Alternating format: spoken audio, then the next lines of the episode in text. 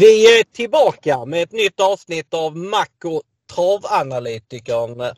Det var väl en månad sedan som eh, Niklas var här senast så han är tillbaka idag. Välkommen Niklas! Tack så mycket Marcus! Det är trevligt att vara här. Alltid roligt att vara med och delta lite. Ja. Du har haft fina framgångar den senaste månaden sedan du var med i podden. En miljonvinst och lite annat gott, så mått och gott. Ja, det, det, har faktiskt gått riktigt bra och det är klart att miljonvinsten, det, det kan vi inte bara säga var riktigt bra. Det var, nej, det var väldigt kul måste jag säga. Det, det är kul när du sitter och det är kul när det blir riktigt, riktigt bra utdelningar för då vet man att du gör det skillnad för de som är med i andelsspelet. Precis. Och nu är det en vecka kvar till Elitloppet. Och det körs eh, ett uttagningslopp till Elitloppet imorgon på Gävletravet. Så eh, ja, det närmar sig. Vi är snart där på Elitloppshelgen. Sjukt! Fantast, fantastisk helg och alltså jag brukar säga så, spel, spelet har egentligen en sekundär, sekundär liksom plats den dagen. För det, det är sporten som är de dagarna runt där. Det, den är fantastisk. Jag menar, vi, vi får se de bästa travarna vi har ja, nästan runt om, i varje fall i Skandinavien och även en del gäster då ifrån övriga Europa och det, det är ju jättespännande. Ja, det är inte bara Elitloppet, det är grymma lopp i övrigt också. Man har Papers och Sweden Cup och eh, fantastiska V75-finaler där eh, alla har vässat lite extra. Så att, eh, ja, det är kul. Lördag är ju är ju faktiskt extremt roligt spelmässigt också måste jag säga. Men eh, söndagen håller jag med om. Då är det sporten i fokus. Men eh, vi är inte där riktigt än. Det är Gävle denna veckan. Eh, och Gävle, ja, vad är det för bana? Vad ska man tänka på där? Det är eh, som jag skulle vilja kalla det en spetsbana. Det kommer nog inte vinnas så många lopp från fjärde, femte, sjätte ytter imorgon utan det gäller att vara med där framme i loppen direkt. Så att, ehm, eh, eh, räkna ut vem som ska ta ledningen så har du kommit en bra bit på vägen. Vad har du för erfarenhet? Det, det brukar du vara expert på så då kommer du långt på. Ja, ja, ja, ja. Jag kan säga att jag har lite kvar när det gäller spetsstrider men jag har väl en, ett hum om vem som ska spetsa i varje lopp i alla fall. Jag kommer ju försöka hitta någon från bakspår också, helt klart. Det, det, man, man, måste hitta värdena här lite grann och, och det, jag, jag, tycker faktiskt att det är flera lopp där det finns väldigt, väldigt intressanta hästar eh, till start och intressanta förändringar också. Precis. Men vi kan ju börja med V751. Det är silverdivisionen. Det är 2140 autostart och eh, den som alla tror ska spetsa nummer ett Huddlestone är klar favorit. Nästan 50 procent. Eh, nästan 50 procent på Huddlestone det tycker jag är på tok för mycket. Jag tycker att procenten kanske borde ligga på runt 35 istället.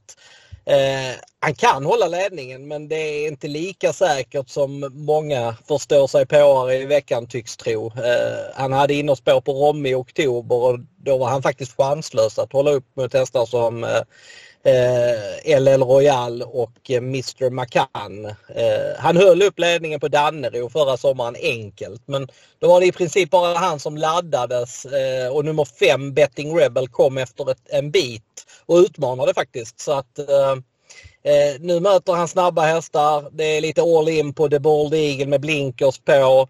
Eh, även Condior är extremt spetsgynnad och väldigt startsnabb och kommer att laddas från spår 7. Så det är inte helt givet att favoriten håller upp och ska han vinna loppet så, så krävs det nog att han håller spets jag är inte, ändå inte säker på att han vinner även om han skulle hålla ledningen. Han har förlorat 5 av 13 spetslopp trots allt. Och jag tror att nummer 9, Blumen Indal, eh, italiensk gäst som gör sin första start på svensk mark. Jag tror att den är väldigt bra för silverdivisionen.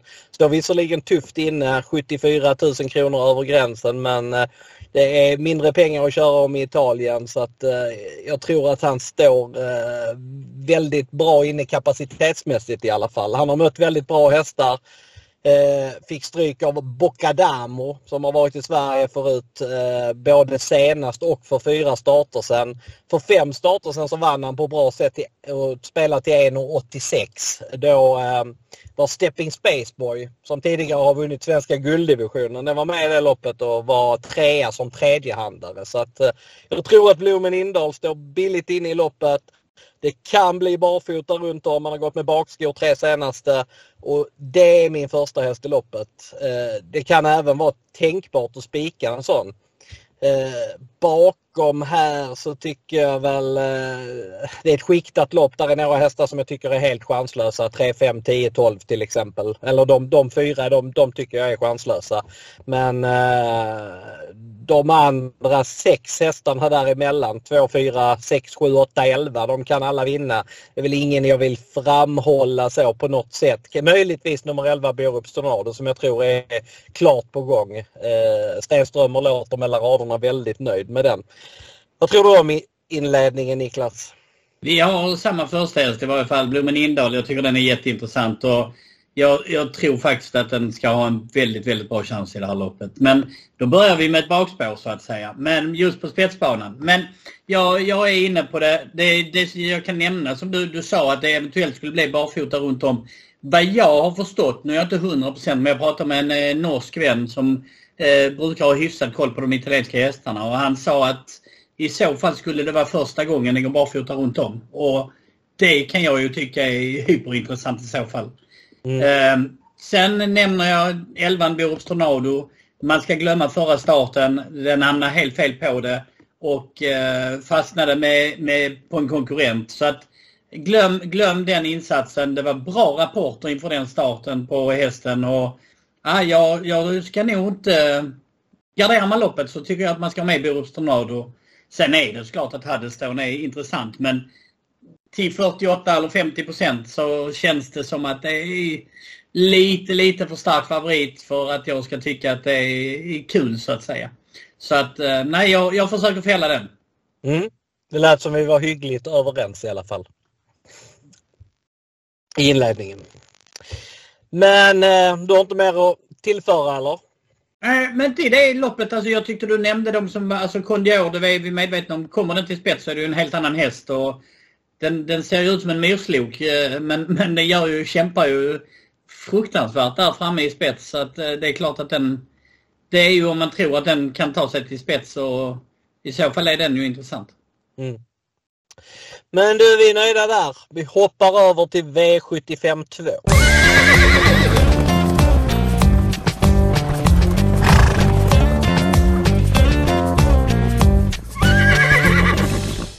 V752, där har vi en klar favorit från bricka 7 bakom bilen. Det är 2640 meter autostart och det är lägsta klassen klass 2. Eh, pole position, firma Örjan Kihlström, Daniel Redén som favorit och kapacitetsmässigt så hästmässigt så har jag ingenting att invända mot det. Jag tror att det på sikt är bästa hästen i loppet. Eh, han eh, matchades bitvis mot de bästa förra året. Satt bland annat fast i ett eh, kriteriekval eh, bakom Mr Jupiter och Bengan tror jag det var. Eh, senare så alltså gjorde han sin andra start på, på lång distans. Jag tyckte direkt efter loppet att det var svagt gjort att inte hålla undan. Men sen tittar man på klockan. Han avslutar 10 sista fyra och i dagsläget kunde han kanske inte springa så mycket fortare. Han ska lättas i balansen. Det blir bike på som det har varit två gånger innan. Det tror jag är ett plus. Men det är risk att han får traska utvändigt ledaren hela vägen. Och han är ändå ganska färsk. Har bara gjort åtta starter, fyra år.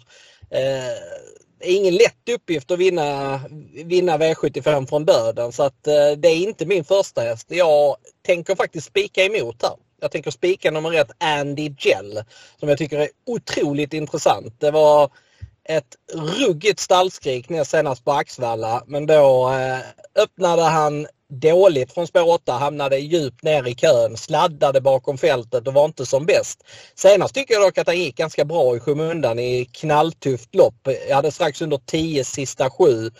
Eh, Andy L är klasser bättre när han har tätkänning. Spets eller dödens, det tror jag är hans grej. Han har gått i ledningen två gånger. Han tog sin enda seger i livet från just spets. Han var trea i det andra spetsloppet.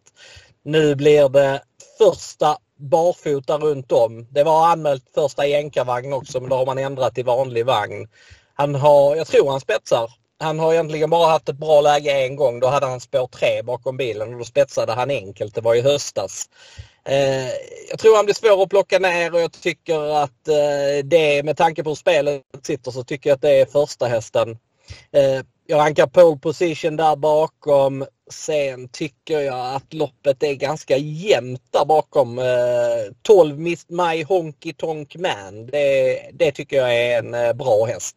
Den eh, mötte bra hästar i sin årsdebut och hängde med på ett bra sätt från ryggledaren. I sina bästa stunder förra året så matchade han verkligen de bästa. Var imponerade vid någon spetsseger på V86 bland annat. Eh, inte så farligt med spår 12 på 2,6 så det tycker jag är tredje hästen. Sen, sen där bakom så tycker jag att eh, två Javapai Point om den går felfritt. Det är stor risk att den galopperar. Eh, men gick väldigt bra efter galoppen senast på V7. Visar att han står i klassen. Fyra Önas Rose är det massor med ändringar på. Det är barfota bak, eh, lättast från PG-skor till aluminium fram första rycktussar, första halvstängt istället för öppet. Så att det är mycket, mycket intressant där. 8 Matteo Di Quattro är betrodd och den kan också vinna. Sen om man ska gå längre ner i kanten så kanske 10 Nidelem skulle kunna vara intressant som eh, första starten som Wallach. Eh, Annars så, ja, sex Winchester kanske kan duga men det är mycket galopp där och stor galopprisk där också med från framspår. Så jag kommer gå på ett Andy Gell. Vad tror du om Andy Gell Niklas?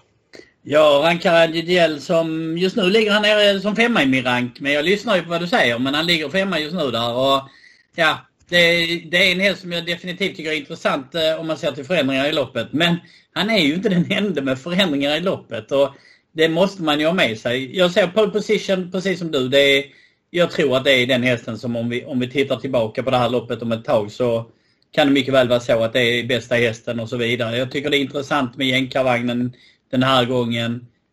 Um, den var ju mycket betrodd sist. Det var också så att Daniel Redén faktiskt lät väldigt uppåt på den senast.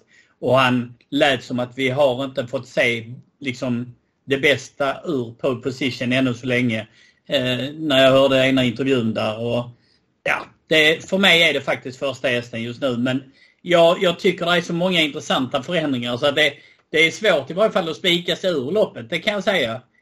För Java Pie Point som du nämner, om vi tar den till exempel, så Ja, den, den har i stort sett bara, den har bara haft framspår en gång på de sista sju starterna eller någonting. Eller ett bra spår. Den hade i och för sig spår sju faktiskt eh, senast. Men Annars den hade ett andra spår och då var det med Eileen Berg Almås i, som, som var i sulken den gången.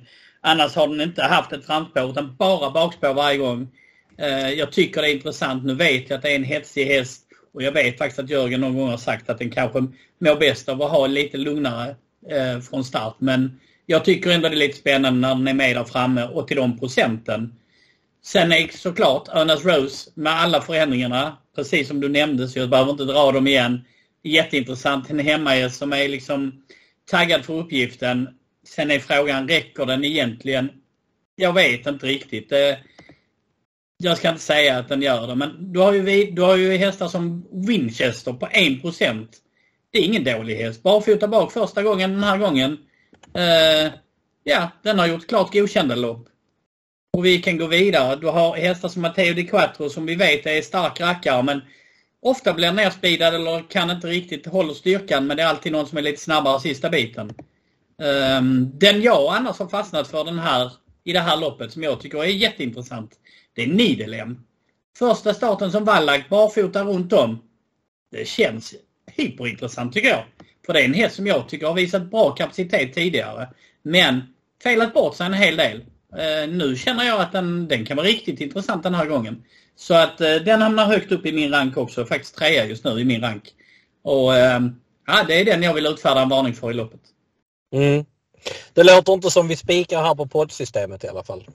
Nej, vi låter för det första, vi är inte överens om första hästen men det är också så att vi är nog bägge överens om att det kan vara li lite spännande lopp. Men du vill ju ta ställning och det är spännande nog tycker jag. Precis. Men vi släpper V75 2 och så går vi över till V75 3 som alltså är tredje högsta klassen, bronsdivisionen.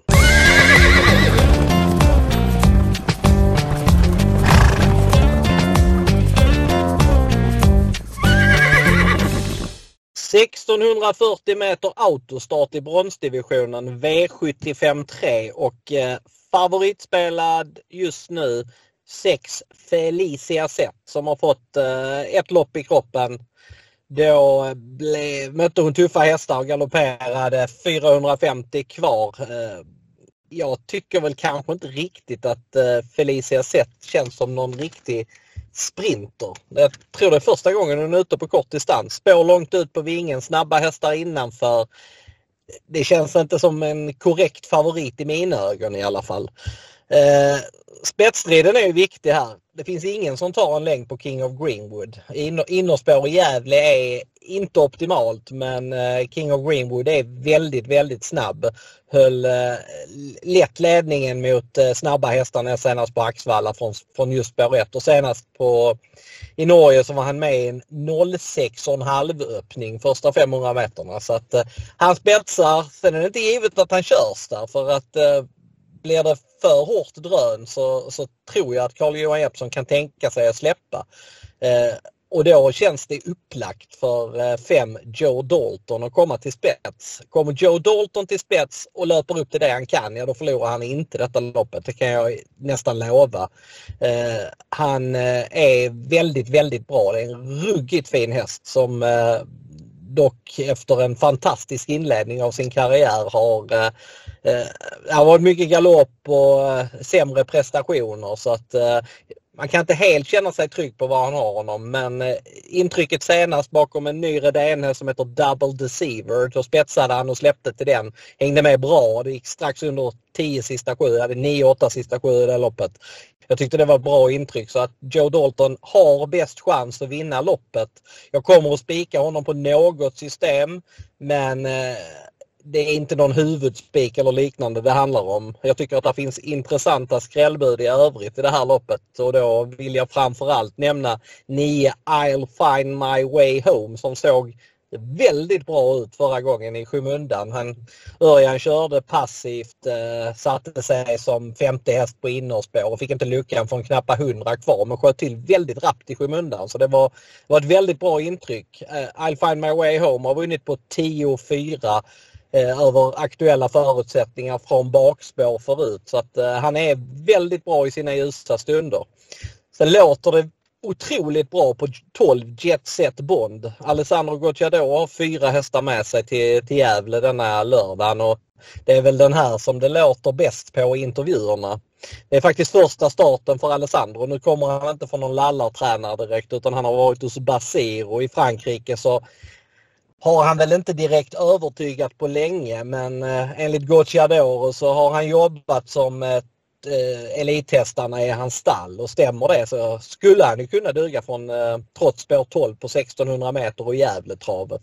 Jag tycker i alla fall det är intressant att betala för honom till 5 Eh, annars har jag väl inte så mycket jag vill nämna. Ja, Carry Cash är det mycket, mycket förändringar på. Det är lite all in där med barfota fram, bike och eh, helstängt. Eh, hon kan ju duga men sen är det väl kanske inte optimala förutsättningar med 1600 meter anser jag. Så att eh, hon är väl bara typ femma i min rank. Vad tror du om Joe Dalton, Niklas, min vinnare? Jag kan säga så här att intrycket senast var femstjärnigt. Jag är helt överens med dig. Jag har dock blivit så besviken på den vid flertalet tillfällen. För precis som du säger så har den gjort kanonprestationer. Man har tänkt, trott på den starten efter. Man har gått till ledningen och något annat bara vikt ner sig totalt. Det är inte en jämnheten själv på den.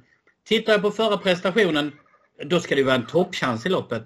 Men jag kan inte ranka en sån häst detta. Det går inte för mig. För jag, jag tycker det är för mycket upp och ner i prestationerna. Jag är väl medveten om att visar den sig från sin bästa sida så tror jag precis som du att den vinner loppet. Men jag är inne på att King of Greenwood tar spets och eh, just nu, jag vill säga att jag har inte helt bestämt mig här. Eh, för jag har alltså Joe Dalton som eh, fjärde, fjärde fjärde hästtyp just nu. Och, ja, det, jag, jag tycker det är, det är ett lopp som eh, inte är helt eh, lätt, lättlöst här. Men King of Greenwood till spets.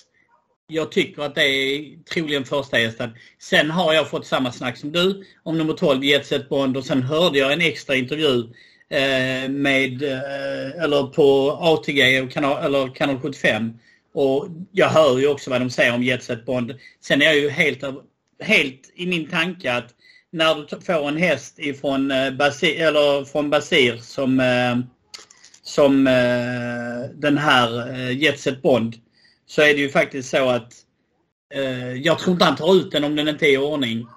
Spår 12, ja det må vara spår 12 men jänkarvagn på, barfota runt om och med de rapporterna och så 4% Alltså vi har ju sett vad Gocciadoro kan med sina hästar. Det spelar ingen roll vilket spår det är. 4% är för lågt på den. Så enkelt är det. Uh, så att jag, jag sitter och lite och velar men jag, jag, har ju svårt att ta nummer 12 på ett sprinterlopp just på Gävletravet som första häst. Men uh, ja, jag, jag har inte helt bestämt mig om det blir King of Greenwood alternativ Jetset Bond som jag går på. Sen har du ju nämnt uh, I'll find my way home som såg fantastiskt ut senast. Uh, jag, jag, tycker att den ska man ju inte glömma här. Felicia Zet, ja det är en jättefin häst och så vidare. 32 procent är för mig, ja, säger mig ingenting egentligen. Det, det är en bra häst och garderar man loppet så ska den med, självklart. Uh, vill också varna för en enprocentare. Barfota runt om, amerikansk vagn på Missai, det vet vi vilken skillnad det kan göra. Så att, ehm, ja, det kan vara en bomb som briserar om den får rätt lopp.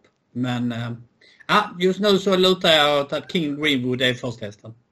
Mm. Uh, ja, jag är som sagt tveksam till om de kör King of Greenwood i ledningen. Då ska jag säga att den har gått två gånger i spets på kort distans och vunnit båda. Men han har inte övertygat vid någon av segrarna och har varit betydligt billigare hästar emot. Så att, uh, jag är inte säker på att Carl-Johan Jeppsson kör i spets men ja. det återstår att se jag kan nämna det för dig här också, eller för de som lyssnar, att det är så att King Greenwood har gjort fem starter, tror jag det är, på kort distans i Sverige. Nu mm. räknar jag inte Norge, i Sverige. Och den har faktiskt vunnit tre av dem och varit trea i två av dem. Så att statistiken på kort distans, den, eh, den talar verkligen för King of Greenwood. Absolut, det håller jag helt med om. Men du, jag känner att vi är klara med V75 3 och flyttar över till V75 4 som är ett kallblodslopp.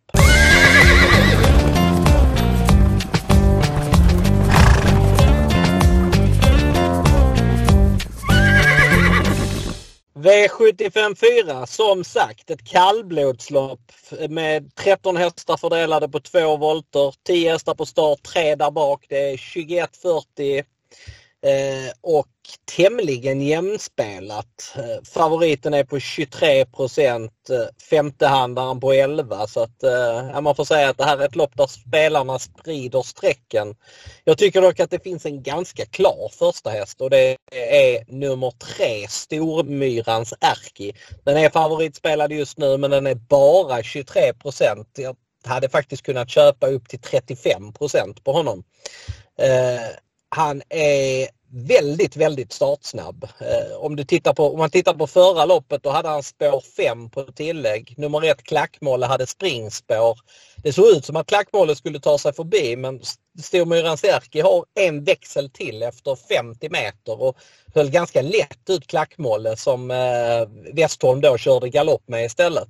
Jag tror att Stormyran Serki trycker sig förbi som senast in i svängen och eh, sen är det bra chans att han vinner loppet. Oskar Kjellin Blom, det är hemmaplan för honom. Han har många hästar till start denna V75-omgången. Det här tycker han är hans bästa chans och det köper jag helt och hållet. Sen får man som lök på laxen barfota bak. Det känns också intressant. så att eh, Eh, jag kommer spika Stormyrans Erki på en del system. Det är inget, inget att snacka om. Jag tror kanske att Klackmål är en bättre häst egentligen. Eh, Goop upp där för första gången. Han har öppnat snabbt från innerspår. Höll upp inom för fyra starter sedan på Åby. Eh, men mötte inte riktigt lika snabba hästar den gången. Det var Faxerling som utmanade från spår 2. Eh, han kan ju vinna loppet från andra positioner än spets. Han skulle kunna vinna loppet från ryggledaren till exempel. Jag tycker att han är andra hästen. Sen eh, sex Lundåsens, tek, Lundåsens teknik heter den. Den eh, är väldigt, väldigt stark. Eh, spännande där med barfota bak. Den kan absolut vinna Eh, Guli Fantom är som alla vet väldigt kapabel. Eh, travade dock som en kratta i senaste starten. Den vann det loppet men eh, hade den blivit utmanad så tror jag att den hade felat. Eh, rätt tuff uppgift här med många hästar att runda och det, ja, jag har ingen riktig feeling för Guli Fantom. Den åker givetvis med om jag garderar loppet med fler än fyra hästar men eh, Jag tycker inte att den är speciellt intressant. Eh, Garderar jag detta loppet, spikar jag inte Stormyran Erke så vill jag måla på rejält känns det som. Det är egentligen ingen häst som känns helt chanslös. De som har minst chans att vinna loppet är kanske eh, fem Veslemoen, sju Perjo, nio Holms Hercules och 10 Pyrotek. Sen har jag väl ingen jättefeeling för 11 Farmpilot. Den är rätt så mycket betrodd men den står alltså 17 000 kronor över klassgränsen eller något liknande. Det, den skulle stått där framme för att känns riktigt eh, aktuell. Eh, åtta Sargo kan vara intressant. Det är barfota bak. Eh, det är den lättaste frambalansen. Olsson upp. Eh, spännande läge. Kan få ett bra lopp på innerspår. Eh, den tycker jag är mest spännande av skrällarna i loppet så att säga. Jag vet att du brukar gilla Stormyrans Erke så här tror jag faktiskt att vi har gemensam tipsetta, eller? Jo då, det, det har vi. Jag gillar Stormyrans Erke, det vet du. Och, eh, ja, jag är helt inne som du på att det, det, den kommer att bli spik på en del. Det, jag tycker 23,5 procent är, det är ett rent fynd faktiskt. Eh, till de, även om det är till de procenten. Och favorit. Eh, men eh, ja, garderar man loppet så är det som du säger, klackmål är intressant. Eh, tänk på att Guliem inte klarade av senast att hålla undan för varken eh, Stormyrans Erki eller Klackmolle. Det var 20 meter. Um, tittar man i övrigt i loppet så Ja, man kanske ska notera. Ja, Gulifantom är ju en fantastiskt fin häst och det vet vi. Och det, den travade ju inte bra sist. Men ha med, ha med er lite grann att Lysjö-Kasper som eh, också står där bak eh, med nummer 13 den har ju faktiskt mött eh, Gulifantom. De har mötts, jag satt och tittade på det igår. Och jag tror att jag kom fram till att det var fyra, tre och fyra gånger, nej fyra gånger var det, som de har mötts. Och tre av gångerna har Lysjö-Kasper faktiskt varit före i mål.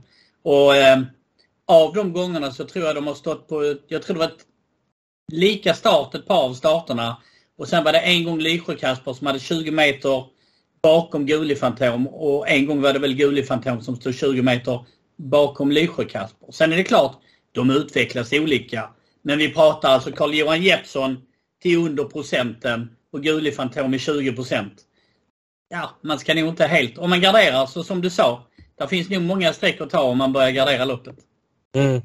Lysjö Kasper stod i 20 före Guli Fantom senast och var tvåa bakom Guli Fantom då. Men då fick han se en lucka och gick bra över mål. Så att, uh, det är inte alltid som att det är, att det är något facit att man ska kolla. Han, han tog, kunde inte hålla undan 20 för den senaste och kan han inte slå den från lika start. Det, det, det stämmer inte alltid det där. Så att, eh, jag håller med dig Lysjö Kasper kan vara intressant. Han kommer ju köra för Jeppsson för en, eh, för en mindre placering och klaffar det då så skulle, skulle han faktiskt kunna skrälla så pass bra är han. Så att, Ja, du, du brukar gilla den. Det vet jag. Så att, eh. Ja, det är en liten favorit faktiskt. Jag tycker att han är väldigt rejäl. Sen har, tycker jag att han har eh, kanske inte riktigt levt upp till det som jag har trott om honom. Jag kände ju att proffskusk på honom, det skulle göra hur mycket som helst. Det har inte gjort så mycket som man tänkte att det skulle göra. Så att, eh, ja.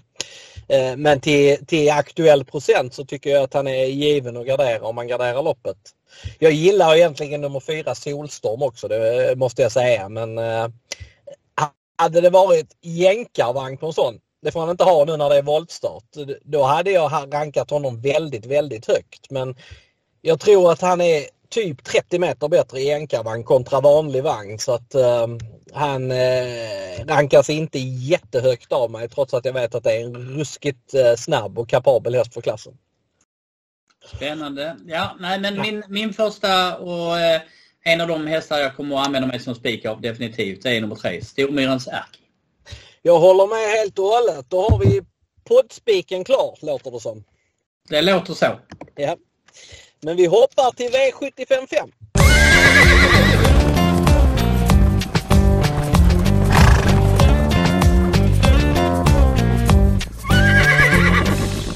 V755 klass 1 2140 Auto och favorit 3 Frasse. Ja, Frasse han eh, imponerade när han vann på eh, Klosterskogen senast. Eh, eh kom då till ledningen i första sväng, var väldigt snabb från start och eh, slog rätt så bra norska hästar den dagen på ett väldigt bra sätt.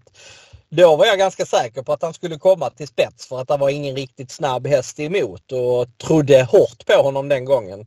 Denna gången är jag inte riktigt lika säker på att han kommer till ledningen. Jag, det känns som att folk tror att det är i princip en självklarhet men de har nog inte sett hur sju Denarius kan öppna. Den var tidigare hos Per Nordström, spetsade i försök till Sprintermästaren eh, och är ruggigt snabb när man laddar med honom. Det är bike på för första gången hos um, eh, Oskar Kylin Blom. De byter huvudlag. Jag tycker det är spännande med norsk, norskt på honom. Hade det varit 1600 meter så hade det varit självklart för mig att ranka Denarius etta för han springer ju en 11-tid 1600 meter. Men nu är det full väg. Då känns det inte riktigt lika hett. Eh, jag tycker dock att han är väldigt tidig till 6% det vill jag säga. Jag rankar honom tvåa men eh, jag tror att eh, Gocciadoro har en bra häst för klassen här i nummer 8, Dr. Joe. Den svek visserligen lite senast. Den var eh, mycket betrodd. Gocciadoro körde som att han eh, skulle ha bra chans att vinna loppet från dödens där men det, det räckte inte.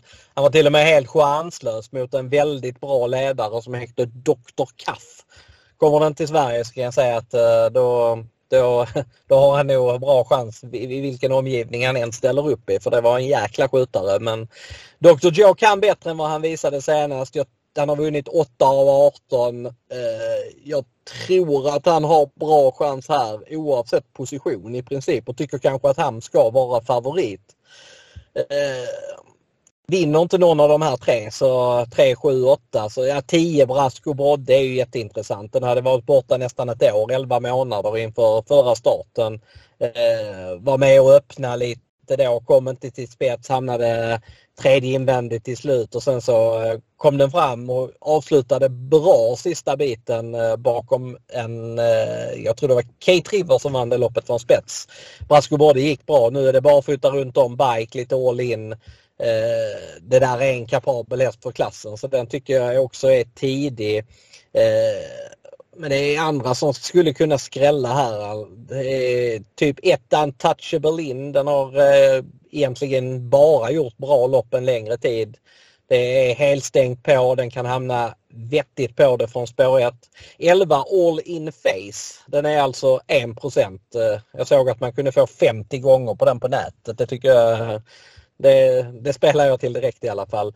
Eh, han gjorde nog sitt bästa lopp i karriären senast. Eh, det var en väldigt bra ledare där eh, och spetsvinnare som hette Linares som gjorde debut i ny regi och var helt överlägsen för ledningen. Men där bakom avslutade All In Face fantastiskt bra. 9-8 sista sju som tvåa så att eh, eh, med rätt lopp så är inte en sån helt chanslös. Vad tror du om V755? Eh, tror du mer på Frasse än vad jag gör? Nej, det gör jag faktiskt inte. Det, jag är inne på att Dr. Gio har en jättebra chans i loppet. Eh, eh jag rankar också Denarius väldigt tidigt. Så att eh, just nu har jag 8, 7, 3 i min rank. Eh, sen nämnde du ju faktiskt eh, den roliga hästen i loppet som jag faktiskt trodde på sist. Jag tror till och med jag rankade faktiskt etta sist, All In Face. Eh, det är en häst som har gjort det jättebra tycker jag. Gör bra avslutningar varje gång. Eh, fem starter för sin nya tränare. Har tyvärr inte fått vinna än, men har tre andra platser. Men det känns inte som en icke-vinnare utan det känns som en häst som kommer avsluta väldigt bra över upploppet. Jag tror Jorma Kontio passar väldigt bra på hästen. Och eh, ja, garderar man på loppet så, så ska man definitivt ha med den. Brasco Brodde är väl också intressant som du sa. En häst som nu har fått ett lopp i kroppen. De har ju, de har ju gjort om ute eh, hos Peter G Norman så att de har ju byggt backar och allt möjligt där och fixat till. Och man har ju märkt en klar skillnad på hästarna som, som finns där ute. De, det är riktigt, riktigt bra ordning i stallet och eh, ja, där var väl en vinnare så sent som igår tror jag det var. Eh, ifrån stallet och eh, ja, de, de, självklart så är Brasco Brodde också intressant. Men min vinnare i loppet är Dr. Gio. Jag har bara fått bra rapporter på den och ja, det sista jag hörde var att ja, men den, den kan inte förlora eh, jag har inte helt bestämt mig för vad jag kommer att göra i loppet men om det blir en, en spik där. För det känns dock att åttonde spår, det, ja, man är ute lite och vandrar i, i det osäkra vatten när man går på när man tror lite på Alessandro Gocciador från spår 12 och spår 8. Det, det är inte så att man eh, känner att sig jättesäker i alla lägen. Nej, det är väl lite så med Gocciadoros hästar i år när de har kommit till Sverige att det har antingen varit jättebra eller har det inte varit alls bra. Så att eh, man känner sig inte lika trygg med att hans hästar ska prestera som man har gjort tidigare år när han har kommit till Sverige. Men eh, och Dr. Joe tycker jag även har blandat och gett lite grann på slutet. Men jag tycker att han är första häst till 24% så tycker jag att eh, man kan inte göra annat än att tippa honom etta. Så att eh, det, det är min åsikt om loppet i alla fall. Men eh, vi är ganska överens där också. Så att, eh, vi får se om vi är lika överens i gulddivisionen. För det är dit vi ska nu.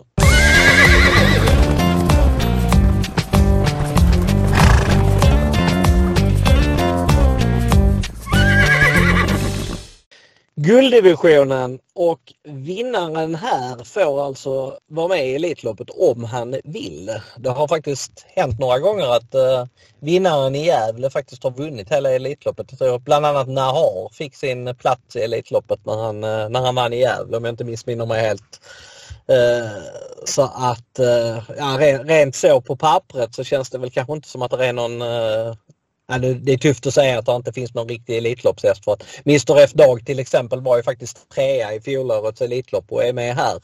Men jag vet inte riktigt om han är lika bra i år som han var under fjolåret. Uh, uh, han kom inte riktigt in i matchen senast på Värmo men han gick inget speciellt i heller. Det var, på klockan var det väl hyggligt men uh, intrycket var inte speciellt bra. Men det är Björn upp nu. Det tycker jag är väldigt intressant och eh, där är många startsnabba eh, på, på, med framspår bakom bilen och det är många som säger att de vill köra sin häst i ledningen så det kan bli ruggigt dröm på det här loppet och det skulle inte förvåna mig om vi får se en segertid på eh, ner mot 09 blankt eller liknande.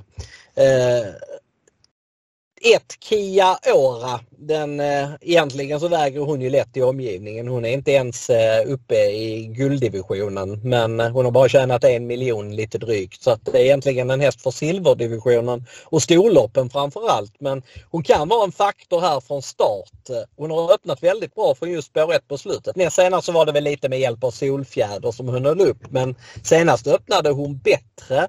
Nu möter hon snabbare hästar men det är helstängt på för första gången vägen och framförallt så är det 1609 meter vilket underlättar väldigt mycket för den hästen som har spår 1 att hålla ledningen. Oskar Kylin är tydlig med att han kommer att köra sin häst i ledningen så länge lampan lyser. Jag kan egentligen inte se Kia vinna mot de här hästarna från spets men eh, hon, är spel, hon är inte spelad mycket. Eh, 2 på en spetshäst. Garderar loppet så åker hon med men eh, hon är alla, det är i alla fall så att hon sätter färg på loppet och hon försvårar det hela med att analysera loppet på rätt sätt kan jag tycka. Million Dollar Rhyme är också startsnabb. Det var första tanken att den kommer till spets här. Barfota runt om. Det är sällan han har gått barfota runt om på svensk mark. Han har faktiskt bara gjort det, jag tror det är fem gånger. Eh, han har två andra platser, tre fjärdeplatser och har varit väldigt bra på barfota runt om. Eh, skulle Oskar Kjellin Blom tänka om och Million Dollar Rhyme får komma till ledningen så har han nog ganska bra chans att vinna det här loppet.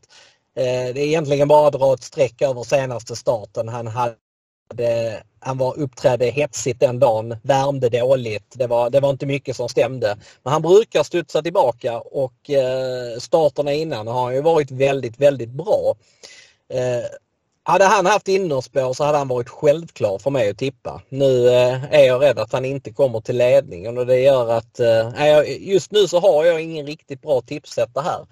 Eh, jag har en tipsättare och det är sju Mr Hercules. Han eh, med lite, lite, lite eh, ja, jag, är, jag är väldigt osäker på vem jag ska tippa etta här men jag, jag, jag valde till slut att lägga Mr Hercules först. Han såg bra ut i loppet förra gången men eh, sex år gammal och 35 starter i kroppen och så blev han rädd när Örjan ryckte norsken in på upploppet. Han har gått med norskt massor med gånger förut men det, om man tittar på filmen så syns det att han reagerar väldigt starkt på, på att eh, Örjan rycker norsken. Så att, uh, han hade varit tvåa bakom San Motör innan. Gången innan så vann han i Finland med alla växlar oryckta så att uh, Han är väldigt bra i ordning för dagen. Jag tycker kanske att han ska vara favorit i loppet till och med. Jag gillar ju Saint Tull. Jag, jag, som är favorit i loppet. Jag sa att eh, förra året när han var med i Sweden Cup att han var, han var helt klar. Och det, han var helt klar i försöket. Sen hade han otur i spårlottningen och fick välja som nummer tre och fick spår eh, utanför eh, de andra försöksvinnarna vilket gjorde att han hamnade utvändigt ledaren och bara blev fyra i Sweden Cup-finalen. Nu är det barfota runt om. Han gick med skor i lotterian eh, vann försöket där och slog Elitloppsinbjudne Vivid Vaisas men i finalen så eh, tyckte jag inte att han var riktigt lika vass även om han gick eh, 099. Eh, det, han, han, släppte ledningen då och hade fullt sjå att hänga med sista biten. Men skorycket, Magnus A. Djuse, det är spännande grejer men det är risk att han hamnar utvändigt ledaren här och det är väl inte riktigt den positionen han ska ha. Så att, eh, nej, han, eh, han är väl inte mer än 3-4 i min rank med tanke på hur han är, spelad. Eh, jag kan tänka mig att gardera rejält i det här loppet faktiskt. För jag tror att det skulle kunna bli en smäll. Eh, jag kan inte betala för fyra hard times. Den bedömer jag vara helt chanslös. Men övriga nio skulle faktiskt kunna vinna loppet. I och med att Ram var superfin vid segern förra gången. Den togs från ledningen. Dit kommer hon knappast nu med snabba hästar innanför.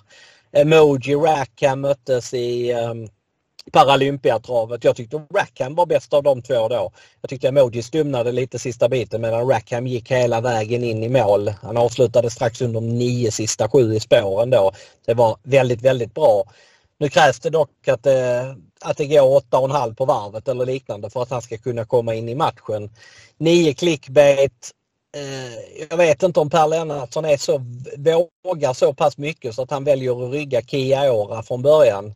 Men det är nog hans chans att vinna loppet för Clickbait har vunnit 15 lopp. 14 av dem har varit från spets eller ryggledaren. Han vann ett guldlopp förra året i Kalmar från eh, tredje, fjärde utvändigt men annars så har han gått klart bäst när han har fått löpa på på innerspår. Så att ska han vinna loppet så tror jag att eh, Per Lennartsson får välja att rygga Kiaora. Vad tror du om guld? Har du en bättre vinnare än vad jag har? För att jag tycker att detta är väldigt svårt. Jag håller med om att det är väldigt svårt. Alltså när man tittar man på loppet och så är det klart att eh, Usain Töll, det vet vi att det är en väldigt kapabel häst och så vidare. Och det är väl inte en häst som man ska nonchalera men jag, jag känner ju bara lite att jag tycker ändå Million Dollar Rhyme eh, är jätteintressant nu med, med barfota och ah, från ett bra läge. Det, jag glömmer förra starten. Det, det sätter inget värde i den. Utan, och tittar jag då på de två starterna innan så är det ju bara plus plus. Och, att det, det, siktet har varit Elitloppet så är det bara. Jag tror att det är en riktigt, riktigt bra chans för den. Imatram var ju ruskigt fin senast. Eh, alltså den såg så läcker ut och man ska tänka på att den har ju kommit, är hos Westholm nu. Eh, och inte som förra året. Så att eh, den var klart, klart mycket bättre än vad jag trodde i senaste starten. Och, eh, för mig är det andra hästen. Tredje hästen blir väl Usain Töll. Men det är fortfarande ett, Alltså det, jag säger som du. Jag, jag, jag, jag tror inte att emoji faktiskt räcker. Jag tror den får svårt och jag tror clickbait får svårt också. Utöver hard times. Men samtidigt så när det är ett lopp som du inte riktigt kan förutsättningarna för vad som händer från start. Och när Oskar Kjellin Blom är så tydlig med att om Kiora kommer till spets så släpper jag inte. Då blir ju loppet väldigt annorlunda kört. För det, mm. jag menar, kuskarna de sätter sig också in och de lyssnar av vad alla säger och kollar upp.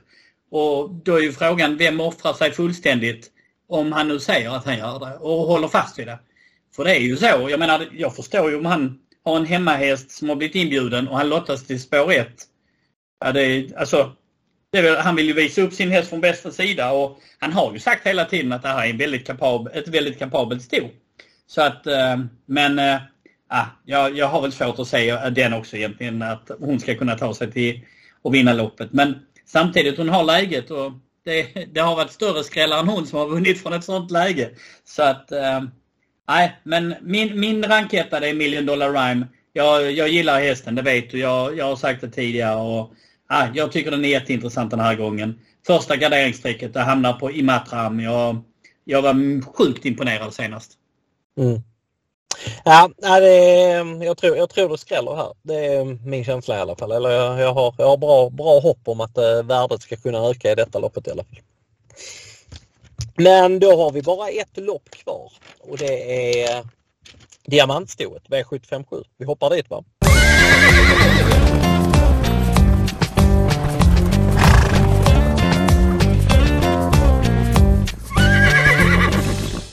V757 diamantstoet alltså. 15 hästar fördelade på två volter 2140 eh, voltstart. Och eh, favoritspelad just nu, ja det är Gocciadoro hästen nummer två, Catelaya Wise Ass. Det är inte Gocciadoro som kör utan det är Mats E. Djuse som han lånar ut eh, den hästen till. Eh, jag har kollat på de här loppen på slutet. Eh, jag kan inte säga att jag har blivit superimponerad. Det är liksom en okej okay häst för eh, klassen ser det ut att vara. Eh, hon, eh, nu är det svensk voltstart för första gången. Kollar man hur hon har varit i italiensk voltstart så har det inte varit stabilt på något sätt. Hon, hade, hon var ute i, i italiensk voltstart för fem starter sedan. Då var inte nära att gå iväg felfritt. Så att, eh, var hon ett spår, spår två så eh, tror jag att galopprisken är ganska stor faktiskt.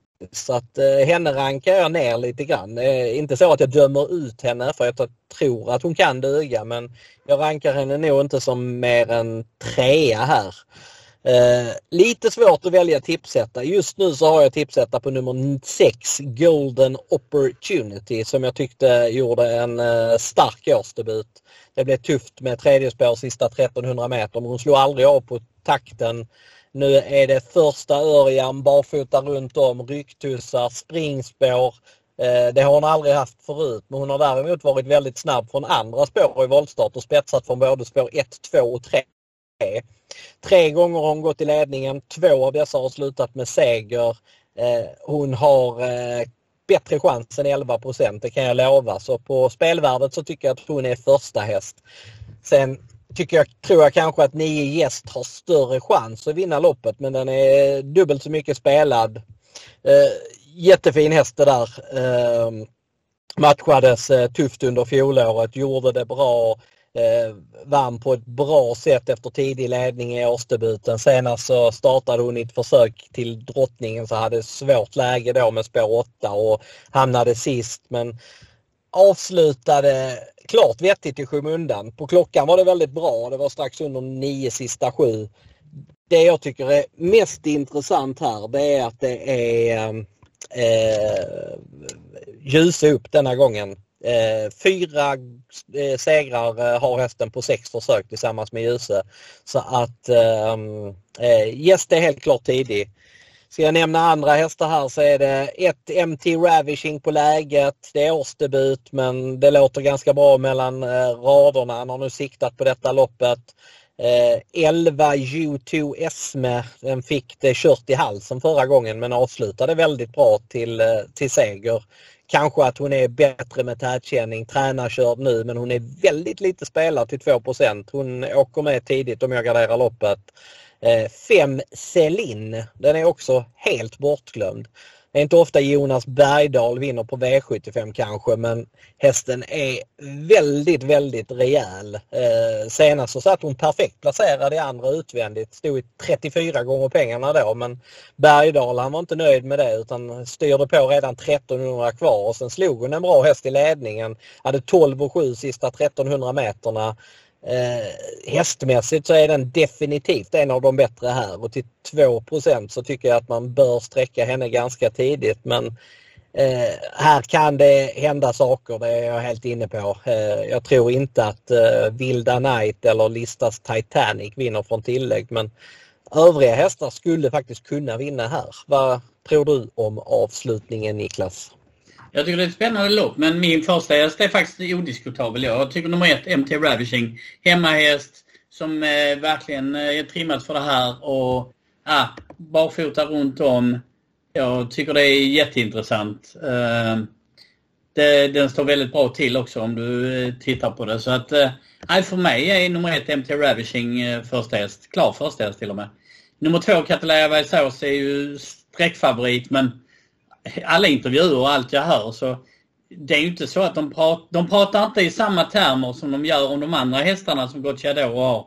Utan här är det mer att ja men det är en okej okay häst och så vidare.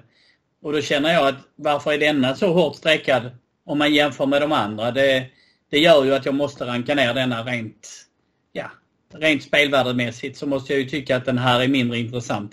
Sen är det klart att det, det är säkert ingen tokig häst och den kan säkert också vara med där framme men det är ju här vi måste få upp värdet och eh, då känns det väl jätteintressant att försöka fälla den i min värld i varje fall.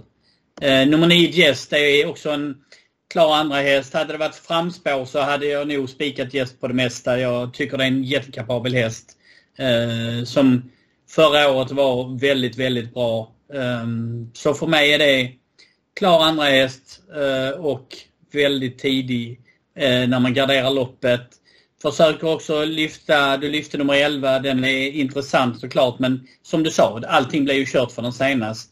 Eh, nummer 10 Bellatrix Club ska man nog eh, inte helt glömma bort. Eh, två starter för ny tränare, vunnit båda. Bara 2% Jag tycker den, den är inte så tokig om man garderar loppet. Eh, sen är väl där på 20 tillägg IS Juvel, alltså den... När den får sitt lopp så är det ju få som kan stå emot den. Så enkelt är det. Björn Goop upp.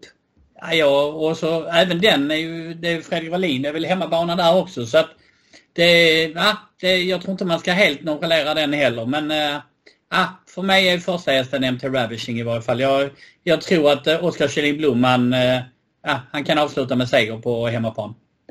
Mm. Uh, jag säger inte emot. Det, det är en snabb häst. Bra läge. Borde få rygglävaren. Den är, den är ganska tidig för mig också. Eller den är till och med tidig. Ehm, men eh, jag känner, känner att eh, vi har analyserat detta på ett bra sätt. Tror du på hög utdelning imorgon?